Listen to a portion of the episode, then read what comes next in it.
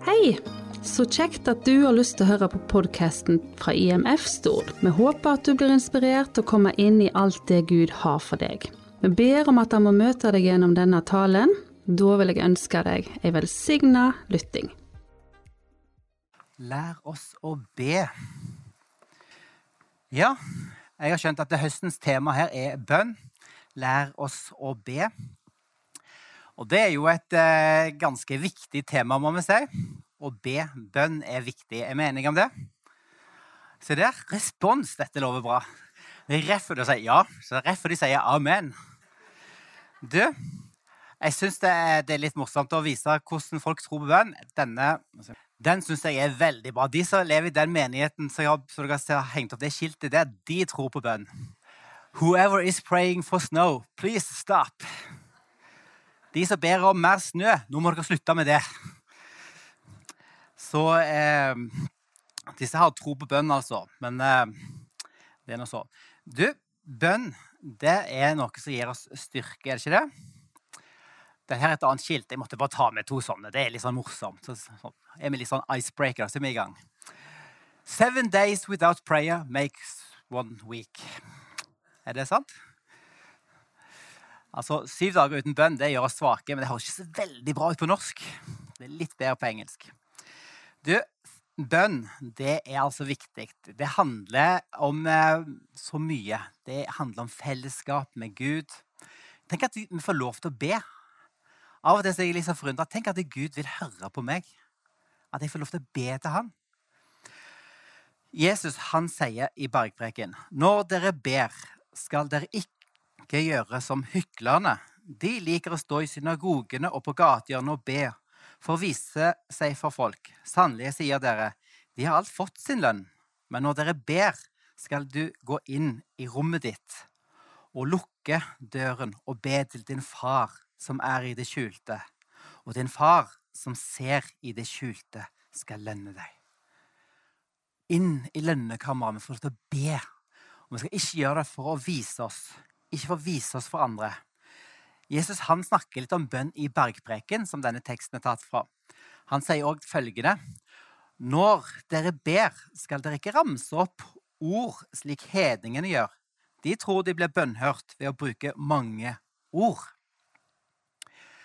Det er ikke ordene vi sier, altså at du må formulere de så bra, som er viktig. Det er innstillingen vår. Vi ber ikke for at andre skal synes at vi er åndelige. At vi skal liksom, nå skal vi være flinke kristne. Nei, vi går inn i det innerste rommet i huset. Og på den tiden der så var det bare ett rom som du kunne lukke døren i. Er dere klar over hvilket rom det var? Det var det der rotesko, roterommet. Det lagerrommet de hadde inne i, i, huset sitt. Det er det eneste rommet de kunne gå inn i og lukke døra. Så inn der, der kan du be. Fordi det er ikke andre mennesker du henvender deg til i bønn men det er til Gud. Så ber vi ikke for å opplyse Gud. Vær ikke lik dem, for dere har en far som vet hva dere trenger, før dere ber ham om det. For min egen del så er det verset der det er faktisk litt sånn eh, Jeg syns det er litt vanskelig. For dette, hvorfor skal jeg da be? Gud vet jo alt. Så hvis jeg har problemer med et eller annet Ja, men Gud vet jo om det problemet. Hvorfor skal jeg da be? Han vet det allerede. Men det er faktisk sant. Han vet det allerede.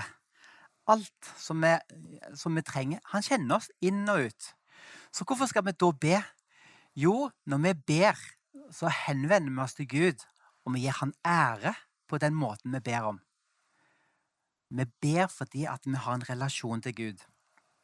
Så i Lukas så eh, kommer Jesus til disiplene. Og Så sier de noe litt rart da, til han. De sier, 'Jesus, eh, Herre, lær oss å be slik Johannes lærte sine disipler.'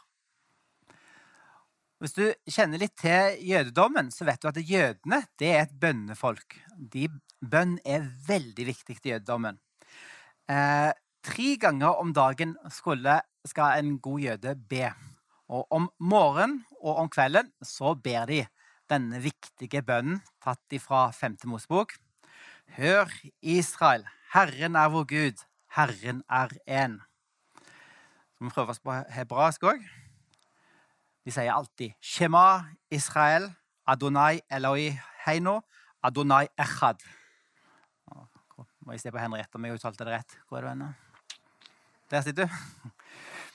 Eh, Det kalles for, det, det kalles for skjema. Hør. Hør Herren vår Gud. Herren er en. Det ba de altså hver morgen og hver kveld. Men i tillegg til det så hadde de en bønn, eller har en bønn, må jeg si, som de kaller for Amida-bønn. Og nå skal vi, jeg har hendt at jeg har testa Henriette for hva hebraisk ord er. Jeg skal ikke gjøre det. Du skal slippe. Men Amida, det, kan, det tipper jeg hun egentlig vet hva er. Det betyr stående. Og den bønnen som, de som jødene ofte ber, den har jeg ikke tatt på sånn, sånn eh, presentasjon, for det, den er så lang. Eh, en god jøde som kan hebraisk godt, vil da bruke, kanskje klare å bruke, be den bønnen gjennom på fem minutter. Og hvis du ser for deg at jødene har dere sett for deg at de står sånn og ber, da er det ofte Amida-bønn de står og ber. Det er 18 eller 19 i dag, eller 19 bønner eller velsignelser de ba. Så jødene det var altså et, et bønnefolk. De, de ber. Så eh, er det sånn da at eh, hvis du er ute på et eller annet som skjer, og så skal du be, så er det litt sånn dumt at det, ja, nå eh, må jeg be, bare vent litt, jeg må bare be for denne lille tingen her. Så da, fem minutter etterpå, nå er jeg ferdig å be. Altså, det tar litt tid å be Amida-bønnen. Den er lang. Så da lærte de ulike eh, sånne eh, rabbier lærte eh, disiplene sine små, korte bønner så de kunne be. Her er det eksempel på én. Det er rabbi Elieser. Han lærte de denne bønnen. Må din vilje skje i himmelen der oppe. Gi fred i sinnet til de som frykter deg her på jorden, og la din vilje skje. Velsignet er du, å Herre, som svarer på bønner. Hørtes det litt kjent ut her? Var det noen kjente elementer i den bønnen der? Det er ikke tilfeldig. Det er mye likt. Og vi vil se at eh, Fader vår minner litt om disse bønnene som de ulike rabbiene lærte sine disipler på. Men det er, er ikke det som er likt så interessant, det er det som er ulikt så interessant, vil jeg si. For Jesus lærte altså disiplene sine å be. Og vi har jo det som vi kaller for Fader vår. Jeg syns den nye oversettelsen er ganske bra. da. Der står det 'Vår Far i himmelen'. I Amida-bønnen, vet vet du hvordan den starter? Må. Den starter sånn. Velsignet er du, o Herre, vår Gud, og Gud til vår forfedre, Abrahams Gud, Isaks Gud og Jakobs Gud. Ser dere forskjellen? Den Fader vår er veldig Altså, vi ber til Gud som far. Det er ikke bare en Gud som skapte, liksom, eller en Gud som er er fedrenes Gud. Nei, det er vår far. I Fader vår lærer vi dette, og dette er faktisk ganske radikalt. Det er så radikalt at, det, at eh, Jesus, når han snakket om Faderen, så, så kalte han Gud for sin egen Abba, sin egen far. Og Hvis du leser Johansevangeliet, så ser du en plass at når han gjør det, så ble de så forarga for han at de hadde lyst til å steine han. For det å ha et så nært forhold til Gud, at du kaller Gud som for din egen pappa, det var uhørt. Riktignok kunne de kalle Gud for en far for oss, at han er som en far for oss alle, osv. Men å kalle Gud for Abba, far, som Jesus har gjort, det var ikke noe særlig bra. I Fader vår, som jeg skrev på gresk, så står det pater. Men de fleste teologene er enige om at det, det ordet som Jesus nok sannsynligvis ba, og det har litt med setningsoppbygning og andre ting som står andre plasser, og, det- og så videre, så lærte Jesus disiplene å be Abba. Abba. Vi, skal be til Gud som Abba. Og Det er altså et aramesk ord som betyr noe sånn som pappa. Be til Gud som pappa. Og det ordet der, det forekommer altså tre ganger i, i vår Bibelen eh, i, på, på aramesk. Jesus, når han skulle eh, korsfestes, så var han først og ba i Getsemane. Og hva ba han da? Jo, han ba Abba, far. Alt er mulig for deg. Ta dette begeret fra meg, men ikke som jeg vil, bare som du vil. Du ser, Jesus ba til Gud som sin Abba. Og disiplene må nå ha sett det, at deres rabbi ba til Gud som Abba, som pappa. Så de må jo ha lurt på kan vi òg gjøre det. Ikke sant? Så lær oss å be.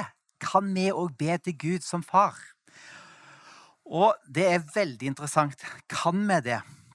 Og Da kan vi lese andre plasser i Bibelen. Og Da er det to, lyst, to plasser jeg har lyst til å trekke fram i dag. Den ene er for Romerbrevet. Der sier Paulus Dere, og det er alle de som er kristne og tror på Jesus, dere har ikke fått den ånden som slavene har, så dere igjen skulle være redde. Nei, dere har fått ånden som gir rett til å være Guds barn. Den som gjør at vi roper 'Abba, far'. Den ånden har vi fått. Den ånden som må henvendes til Gud. Så er ikke det en, en streng dommer som skal ha alltid dårlig samvittighet for. Når vi ber til Gud, så ber vi til Abba, far. Og det, På gresk så står det altså de har, der, der, står altså Abba. De, tar med det arameske navnet Paulus her, for å få fram dette poenget. Der står Abba, pater. Abba, far. Det var så viktig for de første kristne at vi kunne be til Gud som far. At det, dette her kunne ikke bare stå på gresk pater. Abba, far. I Galaterbrevet så sier Paulus noe lignende. Fordi dere er barn, har Gud sendt sin sønn ånd inn i våre hjerter, og ånden roper Abba, far. Så vi kan be til Gud som vår far. Hvorfor kan vi egentlig det? Jo, fordi at vi er blitt adoptert inn i Guds familie. Vi har fått Gud som vår far. Vi som egentlig ikke hørte til Gud. Vi som var fiender med Gud, egentlig, på grunn av synden vår. Men vi har blitt adoptert inn. I Johannes kapittel 1 og vers 12 så sier, så står det Men alle som tok imot ham, dem gav han rett til å bli Guds barn, de som tror på hans navn. Så når du ber Fader vår, eller vår Far, så tenk på det. At Gud er ikke hvem som helst for deg. Han er som en far. En kjærlig far som elsker deg. En far som ikke bare avviser deg fordi du gjorde noe galt i går. Du er fremdeles hans barn. Han elsker deg. Du er hans barn.